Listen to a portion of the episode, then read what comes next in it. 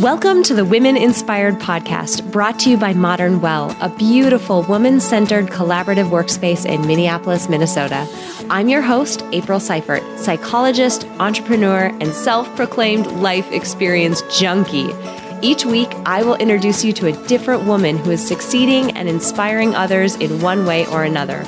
We'll dive into her story, her successes, failures, and the lessons she has learned along the way all with the goal of inspiring you to listen to that inner voice who keeps reminding you that there is something you want to take action on. You are so much more capable and powerful than you give yourself credit for. Inside of you is a woman on fire. Let's let her out and see what happens. Here we go. Hello, everybody, and welcome back to the Women Inspired Podcast. My name is April Seifert, and I am your friend and your guide on this amazing journey as we explore some of the world's most inspiring women and the awesome work that they're doing. This week is no different than that, and I am so thrilled to bring to you an amazing woman named Samantha Moe. She is the founder of a parent coaching program called Mad to Glad and her interview is incredible. But before I dive into that, I want to give one quick plug really quickly. So at the end of each of my episodes, I ask you guys to pop over to iTunes and either drop me a rating or a review.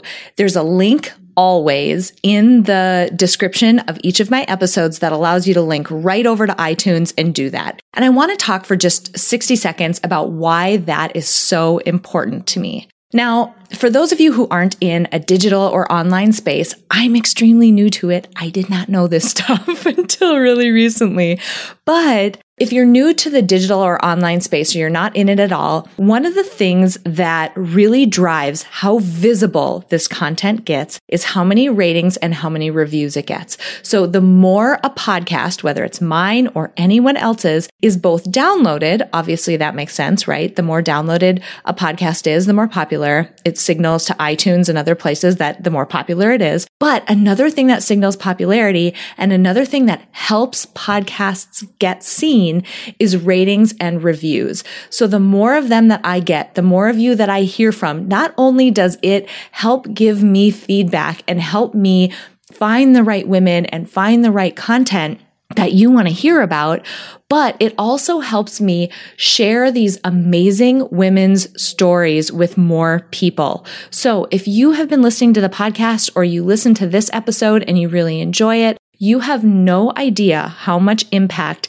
that 60 seconds or 30 seconds of just clicking that link in the episode description, popping over to iTunes and leaving me a rating and review. You have no idea the impact that every single one of those has. Every time I get a new review, I see my podcast move in the rankings. So if you ever want one single person's vote to count, this is one of those times. So thank you to everybody who has reviewed. Thank you in, in advance for anyone else who does review as a result of this little plea. I just wanted to put that out there, say thank you, and let you guys know that I absolutely appreciate every single one of them. All right. So this week, I mentioned you're going to meet an amazing woman named Samantha Moe. She is an incredible parent coach. She has incredible content to share with us about you know, there's some practical things about three different ways that you can relate better to your kids so that you can go from, you know, a state that might be, you know, more heated and, and anxiety provoking to something that is more calm and enjoyable at home. There's definitely some kid centered practical applications there, which I know was really valuable for me and I took a ton away from it as well.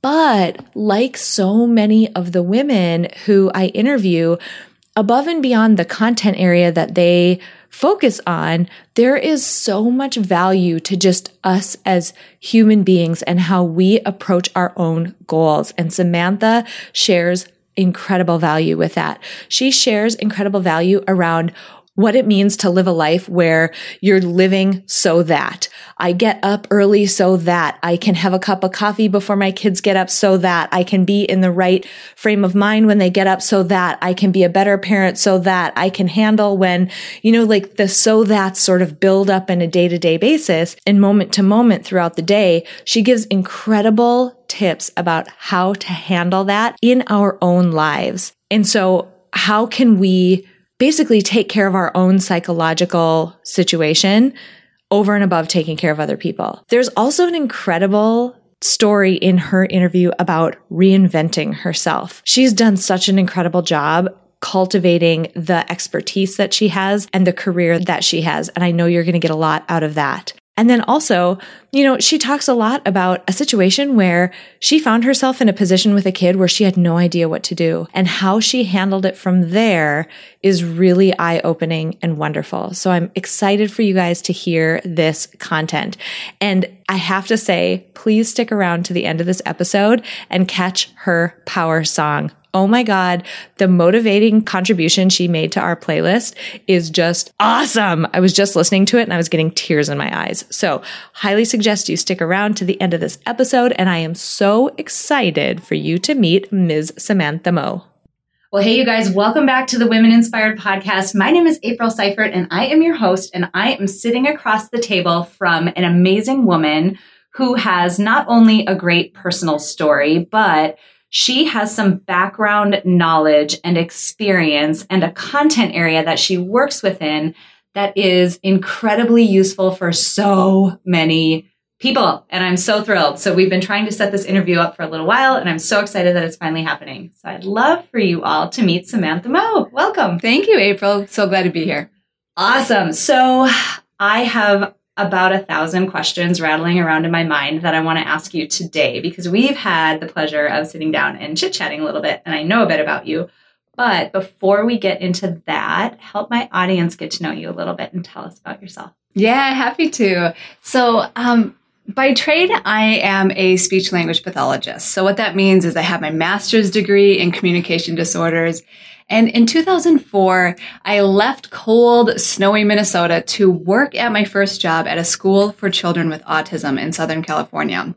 And the thing about doing this work with kids with autism was I was really gung ho. I was bright and shiny right out of school and I loved kids and I thought I'm going to do great at this. Um, growing up, I was always the kid on the playground who would take the first grader who was standing off to the side of the swings by himself and I would take him by the hand and come play with him. So I have this history of loving children, bringing kids together, drawing out their gifts. And in my first year out of grad school, I remember needing to work with eight year old Charlie who didn't have social skills. So mm-hmm. he didn't have friends. Um, he had some loud pitch screaming noises that he would do in the middle of class. And my job as a speech pathologist was to take him from the computer lab over into my speech therapy office in order to work on friendship skills. Well, true to form with many kids who have autism, we never made it to my office because halfway down that hallway, Charlie had a meltdown. And meltdowns for kids who have autism um, look different than neurotypical kids. It's uh, with Charlie, he was laying on the floor screaming. It went on and on and on for 20 minutes. He yelled hateful, hurtful things if I wanted to take it personally. Things like, I hate you. This is stupid. This is dumb. I want to go back.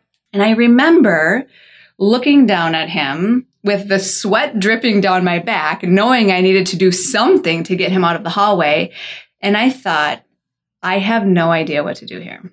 Mm. So, with a six year degree in the field of child development, I felt that bright eyed and bushy tailed feeling went away really quickly. And so eventually I am not ashamed to say that I bribed Charlie and brought him back to the computer lab. and I went back into my speech therapy office alone. I closed the door. I shut off the lights. I put my head in my hands and I thought maybe I chose the wrong job. Mm. And it was a really important moment for me because while I was studious in my college days, it was this moment that really um, it's where the rubber hit the road. And i realized that if i truly wanted to draw out charlie's gifts i needed to understand something that i was never taught. So i started looking for it. And i didn't know what i was looking for. I just knew that there had to be something out there as to how to help kids who are really intense. Hmm. I looked at brain science, at sensory integration, at play therapy, at behavioral management, at all of these different areas and mindfulness because I had a passion around it. And rather than giving up because it was such a large amount of information, after, after a while, I noticed a pattern. And I noticed that for any child, no matter how intense they are, if we want to connect with them and we want to get through to them and we want to get good listening and cooperation skills to keep us motivated to keep interacting with them, but also, of course, to help them develop childhood skills, their brain needs two things. It has to feel calm and it has to feel safe. Hmm. And so my background was being fortunate enough and discouraged enough to put me on that path to understand how to create a blueprint to help kids with autism, with ADHD, with sensory processing disorder, fetal alcohol exposure, like any combination of letters that creates a medical diagnosis, how to help their brains feel calm and safe so they can listen, they can cooperate, and you can draw out their gifts and enjoy spending time together. Oh my gosh. Okay. So, those of you who are listening, you can probably understand now why I said what I said before that I was so excited to meet Samantha because so many of us are parents. So many of us. And I just had to smile when you were saying there's this child who's laying on the floor screaming, and your first thought was, I have no idea what to do here. I want you, if you're like in your car, honk your horn or something like that right now, if you have been in that situation. Cause like, I know with my two and a half year old, I definitely have been multiple times and with other people's kids too. And that's even more awkward because they aren't yours and there's all that complexity there. But we've all been in that situation where we've had this child and to some extent their behavior feels a little bit mysterious. It feels like I don't understand what might have caused a reaction to the degree that I'm seeing, and I don't know what to do to do the right thing because ultimately all we want to do is do the right thing. Now, I'm curious for you to dive a little bit deeper into something you said. You mentioned, I'm just like going right at the heart of the matter because I'm so curious about it. You mentioned this notion that you help people or you help kids or help people figure out how to keep kids' brains feeling calm and safe. Tell me a little bit about that. Like, why is that the key? How did you figure that out? Where did that all come from? Oh, that's such a good question. Um, where did that come from? That's such a good question. So, how do we help kids' brains to feel calm? See, what I was doing originally that was really exhausting as a child professional was I was using external strategies. So I, I was problem solving in the normal way that my brain knew how, how.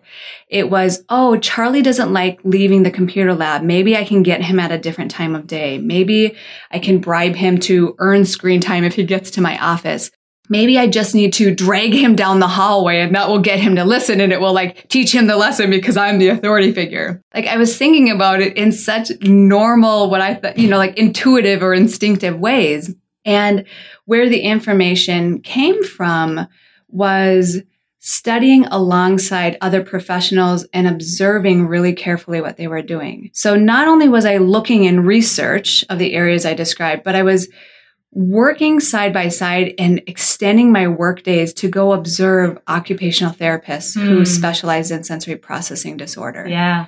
I would study with people who would talk about nutrition in the brain and the effects of carbohydrates and sugars. And the information emerged after just really deep study. And when I look at, you know, I don't just believe children have gifts. I believe all of us have gifts.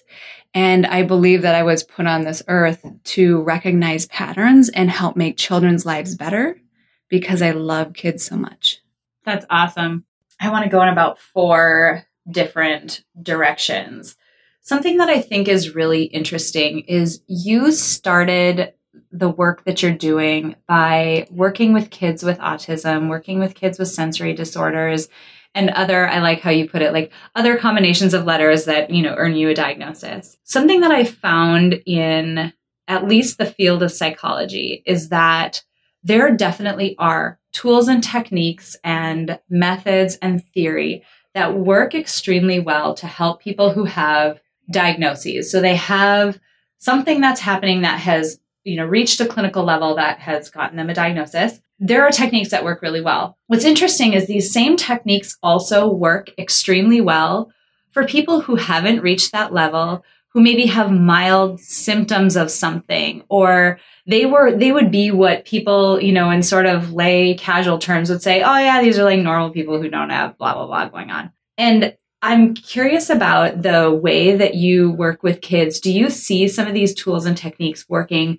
along that continuum because at least like i said in psych that's definitely the case there are tools that you can use as a person without a diagnosis that will definitely enhance your life and your experience and I have a feeling that that's the case here. Yeah, absolutely. so when parents come and work with me, we have a program called the Mad to Glad Blueprint. And they say, will this work with my child who's more of a harmonious and pleasing temperament and give us some tools to draw out their gifts and help them have positive self-esteem. And I say absolutely, but it was really designed for parents that have the intense kids because what we're finding is with the intense kids, the re- the reason their temperaments are so kind of like they want to rule the roost. Mm-hmm. They'll listen to an instruction as long as it was their idea in the first place. Mm-hmm. Or their reactions are atypical. They're just a little bit too high, sometimes a lot too high for the situation.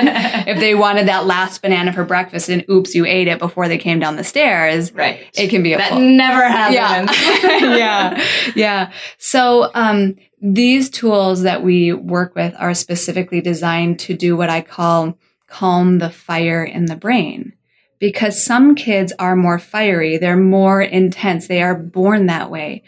And the underlying neurology with this is that the fight or flight stress response is overactive. Mm-hmm. So we see that in really little babies who are colicky, like they're just in kind of a survival mode. They're not um, feeling that ease inside, that self-soothing button um, just needs extra pressing in order for it to actually start working.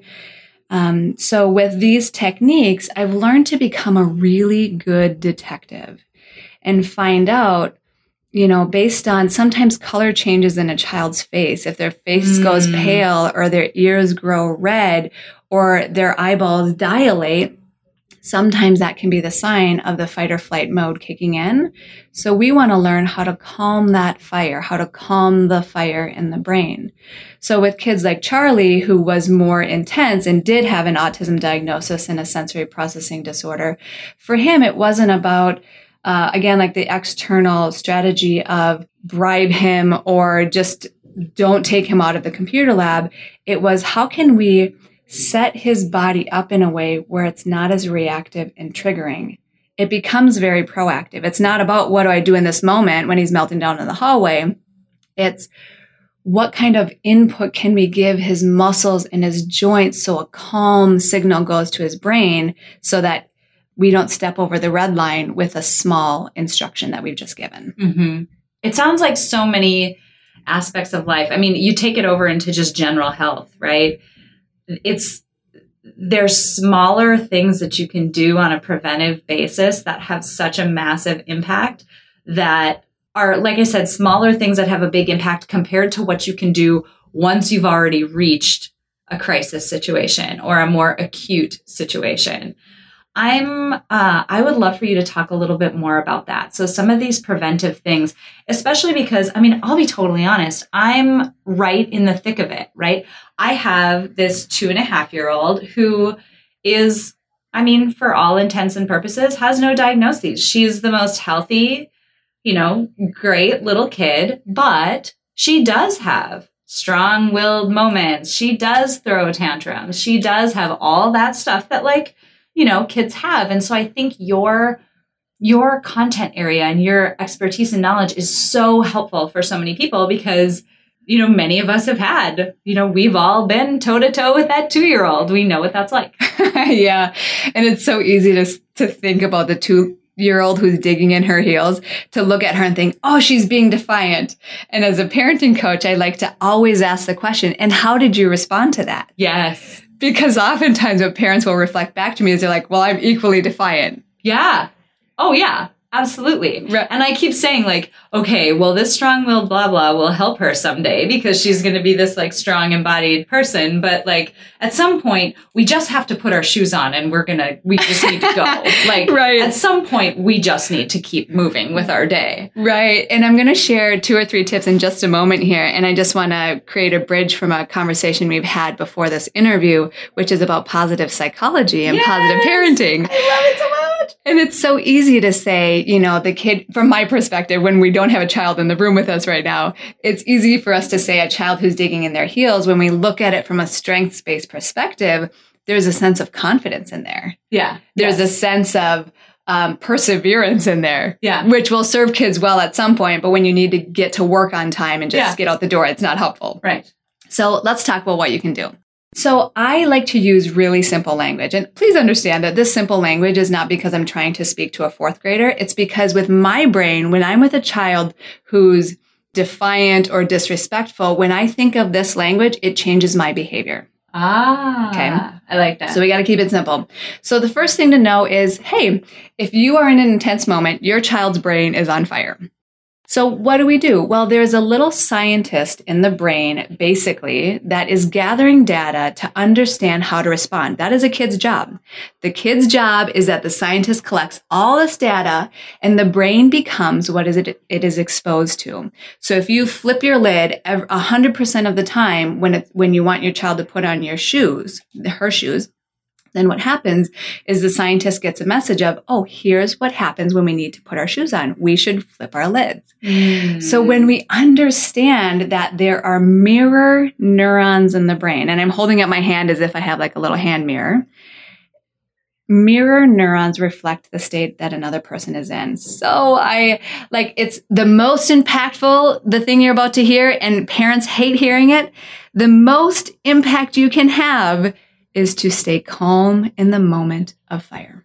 I mean, I love that. Okay, I'm totally going to interject because the mirror neuron thing, if if this is a new concept to people, it is fascinating and worth going down the Google hole for Yeah. because it's so interesting. But you can absolutely see them at work. I mean, today, you can watch this happen today. Just go up to anybody, whether it's your kid who, you know, is old enough to like look at you and, you know, ha- speak a little bit, or to another adult and just look, look them directly in the eye and yawn and watch what they do. Yeah. They are more times than not, they're going to yawn. And it's just because their brain sees what you're doing. It fires as though they're doing it and it makes them more likely to yawn. It's Yes. crazy. Right. And it's not intentional. So, No. we, so even we can think about babies. If your six month old is sitting in a high chair at the breakfast table and you are bringing a spoon of oatmeal to your mouth, not her mouth, what is she going to do? Uh huh. Yeah. She's going to open her mouth. You Yes. know this. I mean, Yes. it's like such an obvious. Well, and that's why too. Yeah. You're feeding your kid and you're bringing the spoon to her mouth and you're opening your own mouth. And if Yes. you think you're not doing it, have your spouse take or or your partner or whoever is in the room with you take a video of you while you're feeding your kid. Your mouth is open every single time. yes, exactly. Exactly. So those are mirror neurons. So when we think about kids, like uh, for kids who are more intense, um, we want to set the example of calm because they don't have that calm, self-soothing button that's easy to access in their body yet. So you might have a 10 year old, an 11 year old whose body isn't good at that yet. And you're like, oh my gosh, I, my 10 year old should be able to brush his teeth and walk up the stairs on his own without me holding his hand getting up there. But what we know is that sometimes they don't have the organization or the the calm in their body to be able to just follow that simple instruction. So number 1, calm your own fire. I love that. So the second strategy is becoming aware of what adds fire in the first place. Now, you as a listener might already be thinking about, oh my gosh, my child was born with intensity. I could see it in her eyes when she was born, or maybe they were hard to soothe and fall asleep, or maybe they needed your constant attention and wanted to play with you and they were hanging on your leg all the time. So if that was true, they might be wired to have a little bit more intensity. And so what we want to know is what adds to that intensity. Because the way the brain works is we can either add to the fire or we can calm the fire. And here's the beauty about being a child development specialist. Just like every single one of you have learned to grow in your career or in your personal life, parenting is no different. Everybody talks about, I wish there was a manual. Well, the neuroscience manual, in a sense, says you can add to the fire or you can calm the fire. So we're going to do a little experiment. I want you to listen to my voice for like 20 seconds here and pay attention to what feels like in your body. Now I'm looking right at April right now. So April, please close your eyes. She's not driving. If you're driving, keep your eyes open and pay attention to what it feels like in your body as you hear me right now. No. Stop it. Ah, knock it off. Ah, don't. Every day you, oh, no, I said no and open your eyes. Starting phrases with a no is a hidden landmine. Mm. So at Mad to Glad, we created a free email report on 10 hidden landmines because there are landmines built into our everyday language and, and actions that add fuel to the fire. So, what did you notice inside of your body, April, as you heard this experiment? Well, it felt really, it, de- it definitely made me feel a little bit anxious. Like, oh my gosh, you know, this is really jarring. I wasn't expecting that. Yeah, yeah. And so, how did you know it was jarring? What did your body do? I mean, I got that little tinge of, oh God, kind of like dread anxiety that you get. I mean, it, it's a smaller version of it, right? Right. But I know I'm in a safe place, but it was a smaller version of it, but that's definitely uh, shades of the same feeling that you would get if you were actually really afraid. right. Anxious. Right. Right. And you're, you're nailing it. So there are common responses we have to hidden landmines that give us evidence that fire was just released. So you might feel a sense of tightening in your chest or mm-hmm. your, your neck or your belly. So you feel tension build up. Some of you might have tuned me out like a teenager, like, whatever, I'm just not listening to her. Some of you might have felt um, the fight response, like, don't tell me what to do. Even though I clearly I feel like you might have just been my kid right there. yes, you you have self recognition and family recognition with this exercise.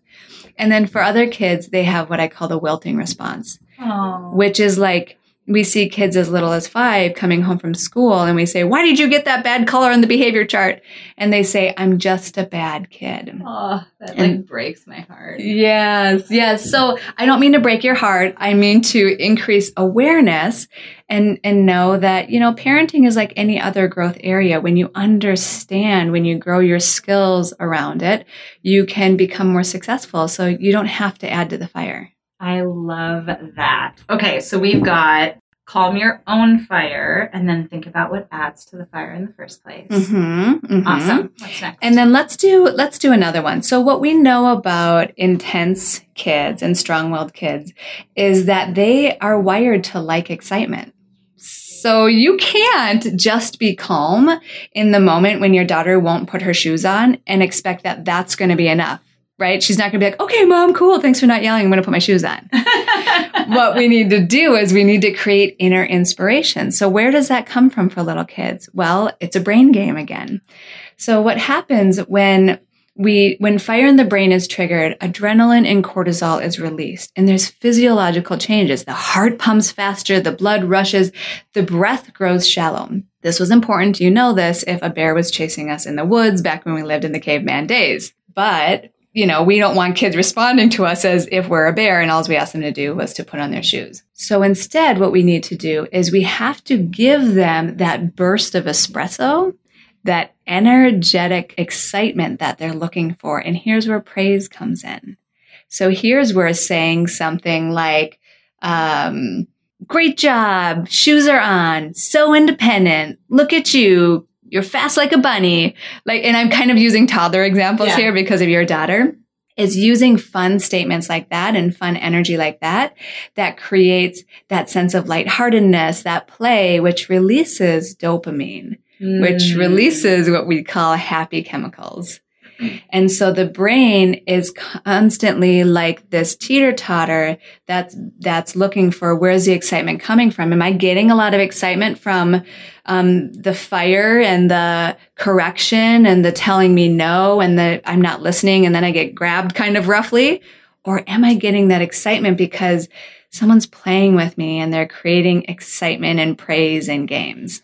Oh my gosh. I love all three of these. Uh, I love them so much because you can, I mean, you can tell if you, well, just by the exercise, exercise that you did with me, if you put yourself in that same situation and sort of like turn the volume up, right? Like, I think it probably takes a lower volume on a toddler who's already a bit excitable, given that they haven't, I mean, their frontal lobe is like, you know, a couple decades away at that point. Like they got some time to develop yet. but, you know, you talk about taking an adult and putting us in that situation and imagining turning that volume up. I mean, really, you're in the midst of a really terrible boss that you've worked for or yes. something. Um, and so you can see where some of these would definitely make the situation worse. Something that I want to hit on is I want to hit on a point that might be floating around in people's minds right now. And it's something that it, it is also kind of coming from the conversation that you and I had prior to us actually recording today. We talked about I mean, in the situation with a kid, the reason why I think it becomes really tricky is that we've got two people's psychology going on at the same time. You've got your child's psychological state, everything happening with their brain, their dopamine or serotonin or any other crazy chemical their body wants to produce, all of that response. You've got all of their situation going on. You've also got your own situation going on. And I will be the first to say when my daughter loses it, like, especially if it's seemingly out of nowhere and it's really surprising, it can be difficult to stop and think in that moment and get clear headed. And this is one of those times where I think it's equally important for not only parents, and this is something I have to constantly remind myself, not only for parents to think about their kids' psychology, but to think about their own psychological state in some of the same preventive things that we're talking about with their kids. How can you give yourself those tools so that in that moment, you're more predisposed to react in a good way. Have you noticed that with clients that you're working with? So, like, I mean, really, you're dealing with two, you know, sometimes three brains here that are all sort of interacting with each other. Mm, yeah, absolutely. I've noticed that. Yeah. So it reminds me of the very last year I practiced speech therapy. That was in 2000, end of 2010. And then at the beginning of 2011, I started my certified parent coach practice. And I remember working with a four year old who had autism and I wanted dad to come into the treatment sessions with us. And dad said to me, Samantha, I really just need to sit in this lobby and close my eyes. And sometimes that would feel frustrating when I was a child professional because I knew that if I only had an hour a week with a kid, I wanted parents to have a home program. So this is what all of us professionals were obsessed about. Like, can we get parents to do the home program? Yeah. Like it was this big yeah. shiny thing, right? And I found out one day dad was looking kind of pale and I just sat down next to him and, and asked him, you know, I've seen you come in eight weeks in a row and say, no, I didn't do it. No, I didn't do it. And you look really tired. What's going on? And he had leukemia. Mm. And so when he shared that with me, I realized that sometimes you just can't. Sometimes you just can't. Um, you're not in a space where you can focus on making big changes for your family. And that's what helped me develop a lot more compassion for parents and understanding where they were at and needing to enter that space and not just look at it from this, cool, we have all this knowledge. Let's do all these techniques space. It's let's take a baby step. Mm-hmm. And so for that baby step, and this is me giving you permission as well to just take a nugget away from this. What is one thing that would be impactful? And sometimes that nugget isn't to refrain from saying no. It's it's understanding what does my everyday life look like? I had a mom of six kids who said, Samantha, I live in a world of so that. I get up at 5:30 a.m. so that I can walk on the treadmill for half an hour, so that I can shower at 6, so that I can get my kids up, so that I can feed them breakfast, so that I can get them on the bus. And on and on it went until we get to, you know, they're home from school, so that I can get help them with homework, so that we can have dinner, so that we can do the bedtime routine, so that at nine o'clock at night I can drop into bed exhausted only to repeat it again the next day. What do we do if you're living in a world of so that? If we need to learn to hit the pause button, we need to find a moment where our body feels calm and we practice something that might not even be mindfulness because sometimes that's a buzzword. Yeah. But just practice a moment of pause. So I like to ask parents the question, if you could do one thing that took you three minutes that would feel good today, what would it be? Does anything pop into mind for you, April? Oh man, several things. Um, to highlight, I mean, even just one thing. I I mean, I love it makes me feel better to sit down and either write something. So maybe it's something that's on my mind that I wanted to get out.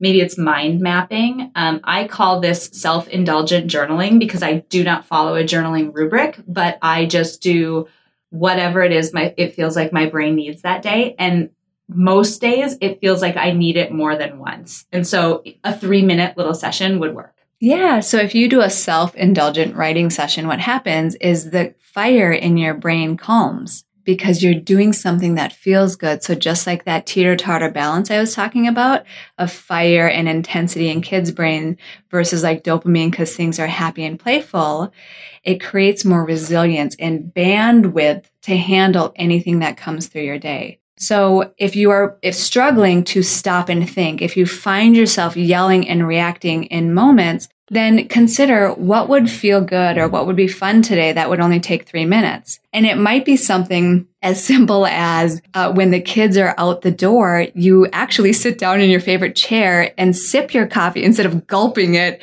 standing in front of the kitchen sink. Guilty. right, exactly. And so this gives your nervous system an imprint of what calm and settling actually feels like. I love that so much. And I love that you put the context of it being three minutes around it because that not only removes maybe psychological barriers that we have where we, especially as women, I feel like we get into this space where we feel like we can't indulge ourselves, this space where we feel like we have to constantly give to other people and that we can't uh, take those moments for ourselves, it's three minutes. We're not asking for an hour a day. We're not asking for anything massive. It is three minutes.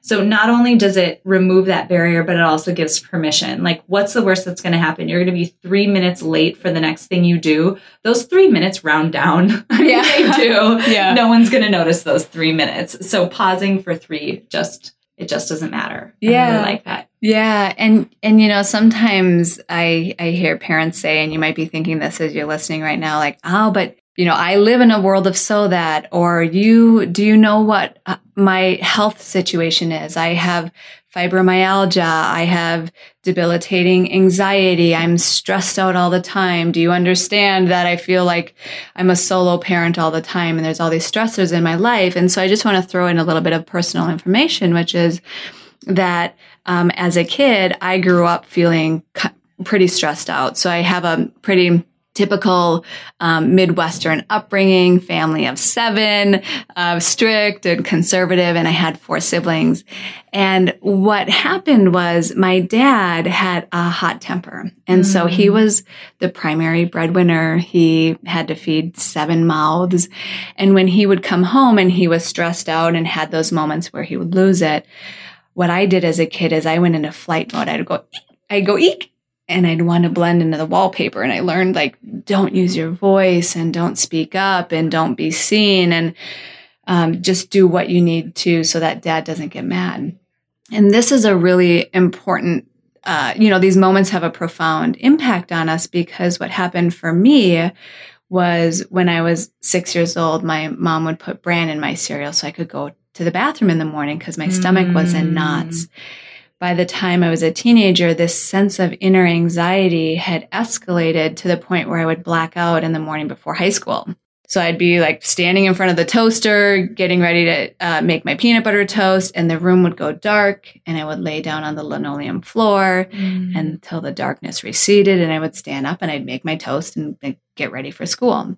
And I share this example because now I am a keynote speaker. So at this time, I travel around North America speaking on skills that calm challenging behaviors and techniques for parents because I love you guys as much as I love the kids to create a sense of peace and create a sense of fullness instead of the stress. And that three minute pause technique of doing something that feels good has been a a contributing factor of what's worked me out of that debilitating anxiety. That's wonderful. I really appreciate you sharing that. And that's, it's amazing insight into where some of the passion comes from and why, you know, even why you would you know, name your blueprint, what you did, going from the situation that's very heated to something that's much more calm and something that's much more enjoyable and able to be handled. Mm-hmm. Peace and enjoyment at home. That's what we stand I for. Love it. oh my gosh. Okay. So I know where you are online, but for other people who are now insanely curious and want to download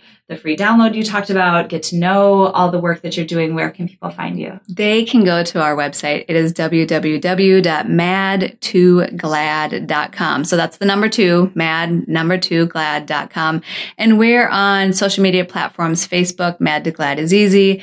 And then on Instagram, I am Samantha Moe. So I show some personal family examples of what we do to create more peace and enjoyment at home as well. Oh my gosh, this has been wonderful. It has been incredibly insightful. I'm so excited about the work that you're doing. I know that my audience and everyone listening to this is going to get so much out of it. I really appreciate it. Mm. It's just been wonderful. Yeah, you're welcome. It's a pleasure. Thank you. Before I let you go, though, I have one last question and that is for your favorite motivational song. So we have a Spotify Power playlist, and we're compiling it based on songs that have been curated by all the amazing women that I'm interviewing. So I have to ask for your favorite motivational song. The song is called This Is Me by Kesha, and even more incredible than just the song and the lyrics is the YouTube video of this song being recorded as one of the cornerstone songs for the movie The Greatest Showman with mm, Hugh with Hugh Jackman. Yeah. And it shows the artist literally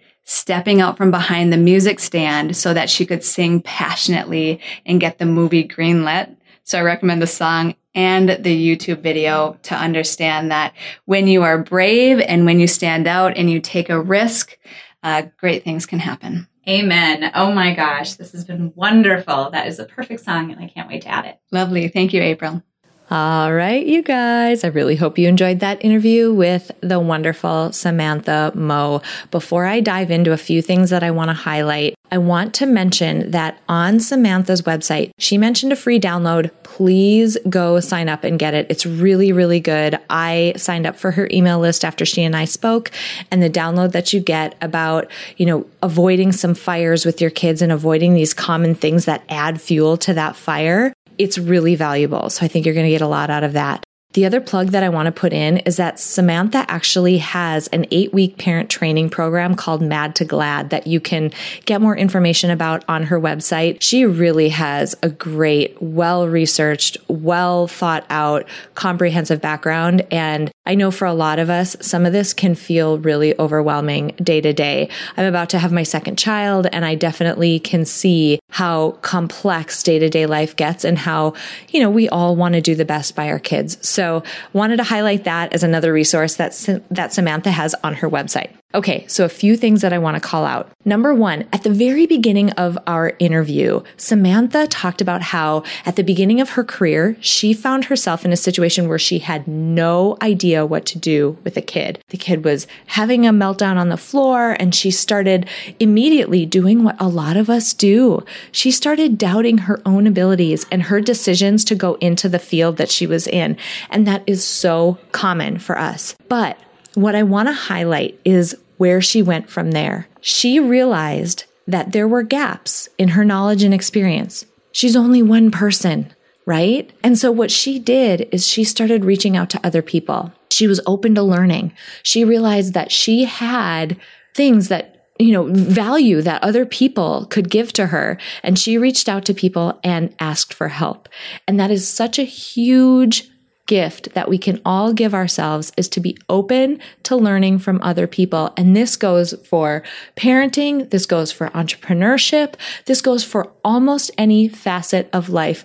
Reaching out to other people to help fill in gaps that we might have can be such an incredible value to you. So I highly suggest you think about doing that and think about areas of your life where you feel uncertain.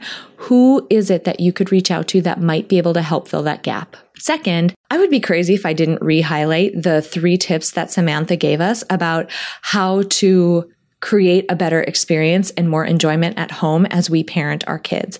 Number one, she talked about calming your own fire. So she, she mentioned how, you know, when, when kids are being uh, defiant or they have behavior that looks defiant, their brain is essentially on fire.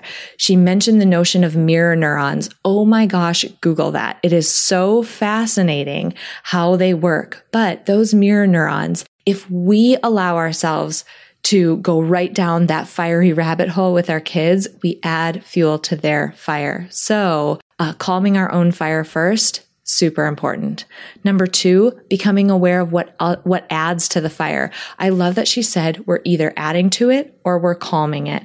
And so the tips that she mentioned that you can download for free on her website are so useful for avoiding making the situation worse. And last, making it exciting. I mean, this this shouldn't have to all be so negative, right? Like if we can use praise in a way that helps fuel those good interactions with our kids, you know, it it just makes the whole thing much more enjoyable. So making it exciting for kids who are wired for excitement and energy and using praise to do that is another great tip from Samantha. A couple more things I want to highlight. She mentioned living in the world of so that basically sometimes you just can't. You just can't make the big change. And again, this goes for parenting. This goes for entrepreneurship. This goes for other goals, self development, all of it. Sometimes you just are not in a place where you can make a big sweeping change. Be gentle with yourself and take the baby step if that's all you can take. If you go back and listen to some of my past episodes, I talk so often about just starting. That starting step does not have to be big, and oftentimes it isn't. Oftentimes it is a tiny step, but even those tiny steps add, and sometimes that's all you can do. Great. Do it and celebrate the fact that you're even taking a small step. I also love that she talked about in this time period where you just can't, hitting the pause button and finding a moment of pause where you can allow your body to feel calm and safe. So taking three minutes to do something that will make you feel good. Ask yourself, really, what will that three minute delay actually do? People aren't even going to notice it, but you are going to notice a huge difference in how you feel from that point on throughout your day give yourself that gift of those three minutes to reset. The last thing that I want to call out from this episode is Samantha's reinvention of herself.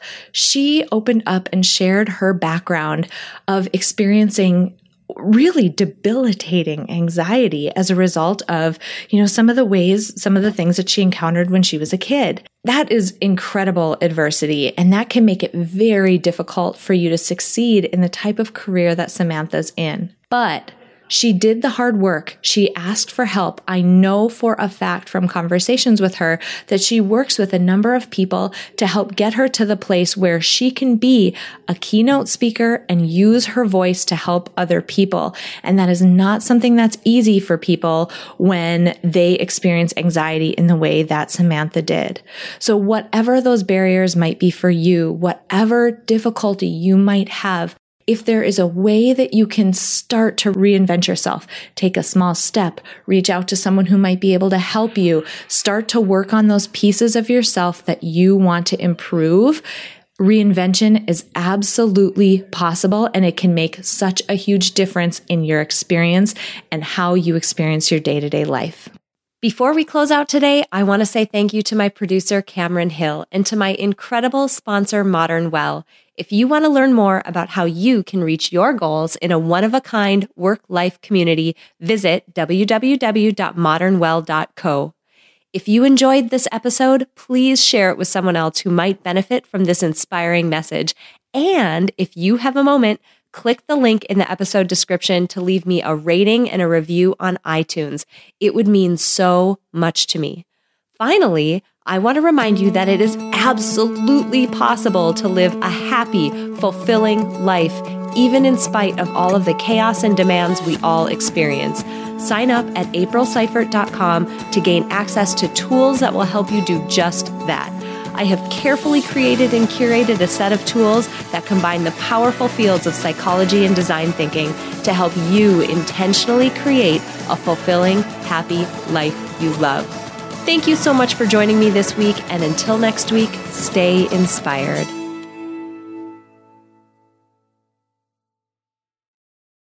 At Parker, our purpose is simple. We want to make the world a better place by working more efficiently by using more sustainable practices, by developing better technologies, we keep moving forward. With each new idea, innovation, and partnership, we're one step closer to fulfilling our purpose every single day. To find out more, visit parker.com/purpose. Parker, engineering your success. Everybody in your crew identifies as either Big Mac burger, McNuggets, or McCrispy sandwich but you're the filet fish sandwich all day. That crispy fish, that savory tartar sauce, that melty cheese, that pillowy bun. Yeah, you get it every time. And if you love the Filet-O-Fish, right now you can catch two of the classics you love for just $6. Limited time only. Price and participation may vary. Cannot be combined with any other offer. Single item at regular price. Ba da ba ba ba.